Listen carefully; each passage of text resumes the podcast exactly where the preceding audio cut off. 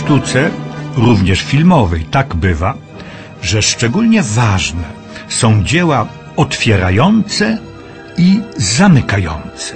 Biografię artysty, nowy kierunek czy styl, ba, nawet całą nową epokę. Takim filmem jest arcydzieło sztuki filmowej, używam tego określenia w pełni świadomie, Męczeństwo Joanny Dark z roku 1928, zrealizowane we Francji przez duńskiego, wielkiego artystę, filmowego reżysera i scenarzystę Karla Theodora Dreyera. Urodził się w Kopenhadze w 1889 roku. Tam też zmarł w roku 1968. Był synem służącej, która go wkrótce po urodzeniu porzuciła. Adoptowany poznał prawdę swego pochodzenia dopiero jako osiemnastolatek. Nie mogło to nie pozostawić śladu na całym jego życiu, a także na jego twórczości. Jego zainteresowania tematyką moralną, religijną, szerzej, eskatologiczną, jego niezwykle poważny stosunek do podstawowych, fundamentalnych i jakże dramatycznych problemów człowieka żyjącego w konkretnym i niezależnym od niego świecie uczyniła z niego prekursora wielkiego Ingmara Bergmana, o którego fascynującym filmie Persona ostatnio mówiłem. Zresztą Bergman wyrażał się o twórczości Dreyera z najwyższą atencją. Karl Theodor Dreyer długo czekał na możliwość realizacji dzieła swego życia, jakim jest męczeństwo Joanny Dark. Umożliwił mu to sukces kasowy dramatu pod wielce wymownym tytułem Będziesz szanował żonę swoją. Jak widać, ten obyczaj nie narodził się dopiero w naszych czasach. Coś za coś. Tak było, tak jest. Choć przyznam, nie budzi to mojego nadmiernego entuzjazmu. Pozwolę sobie najpierw przypomnieć, kim jest Joanna Dark. Bohaterką narodową Francji i świętą. A kim wobec tego była Joanna Dark? W czasie wojny stuletniej uwolniła w 1429 roku na czele niewielkiej, ale dzielnej armii Orlean, okupowany przez wojska angielskie.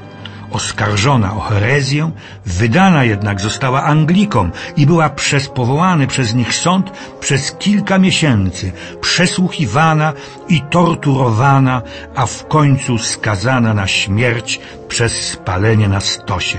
Zginęła, mając zaledwie dziewiętnaście lat. Karl Dreyer przedstawił wszystkie te dramatyczne i tragiczne wydarzenia w formie jednocześnie głębokiej i maksymalnie skondensowanej. Akcja filmu toczy się w ciągu jednego, ostatniego dnia życia Joanny, 30 maja 1431 roku. Moją intencją w czasie realizacji Joanny Dark było, mówił Karl Dreyer, odkrycie poza złotą legendą ludzkiej tragedii i odnalezienie poza sztuczną aureolą tej wizjonerki, która nazywała się Joanna. Pragnąłem pokazać, że bohaterowie historii są również istotami ludzkimi. Powiem zaraz, udało mu się to w sposób nadzwyczajny. Cechą charakterystyczną filmu Dreyera jest doprowadzona do skrajności prostota w użyciu tzw. Tak środków filmowych, w czym przypomina wspomnianą już personę Ingmara Bergmana. Joanna Dark jest, to oczywiste, filmem czarno-białym. Przeważają w niej duże zbliżenia, przede wszystkim twarzy Joanny i jej oskarżycieli, oprawców i obrońców. Ale są i nabierające często znaczenia symboli zbliżenia przedmiotów, choćby narzędzi, tortur, czy też włosów ścinanych jej przed spaleniem na stosie.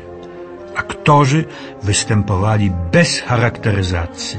Wspaniałą kreację stworzyła Louise René Falconetti, która w przejmujący sposób potrafiła, jak to trafnie opisano, ucieleśnić mistyczny fenomen świętości w obrazie bezbronnej istoty, rozdartej między wiarą i zwątpieniem, ufnością i rozpaczą, triumfem i paniką, dumą i upokorzeniem, nadzieją i lękiem przed śmiercią. Aktorzy w czasie zdjęć mówili pełne, niemarkowane teksty dialogu, opartego w większości na autentycznych protokołach przesłuchań. Choć, jak wiemy, film wtedy, w 1927-28 roku, był przecież jeszcze niemy. Nie sposób nie wspomnieć o ascetycznych dekoracjach, znowu doprowadzonych do elementów najniezbędniejszych, niemal symbolicznych, a także o zdjęciach oraz, co bardzo ważne, o montażu, oparty na wzorcach Sergiusza Eisensteina, którego Dreyer był wielbicielem, tworzy on świat realistyczny i mistyczny, dosłowny i będący wielkim uogólnieniem. Jak to ujął sam twórca Karl Dreyer. Chciałem zrobić film, hymn o triumfie duszy nad życiem. I takim filmem kino, sztuka filmowa żegnała wielkiego niemowę, czyli, jak chcą niektórzy niemądrzy zwolennicy bezmyślnej nowoczesności, ten prymitywny, bo niemy okres życia dziesiątej muzy.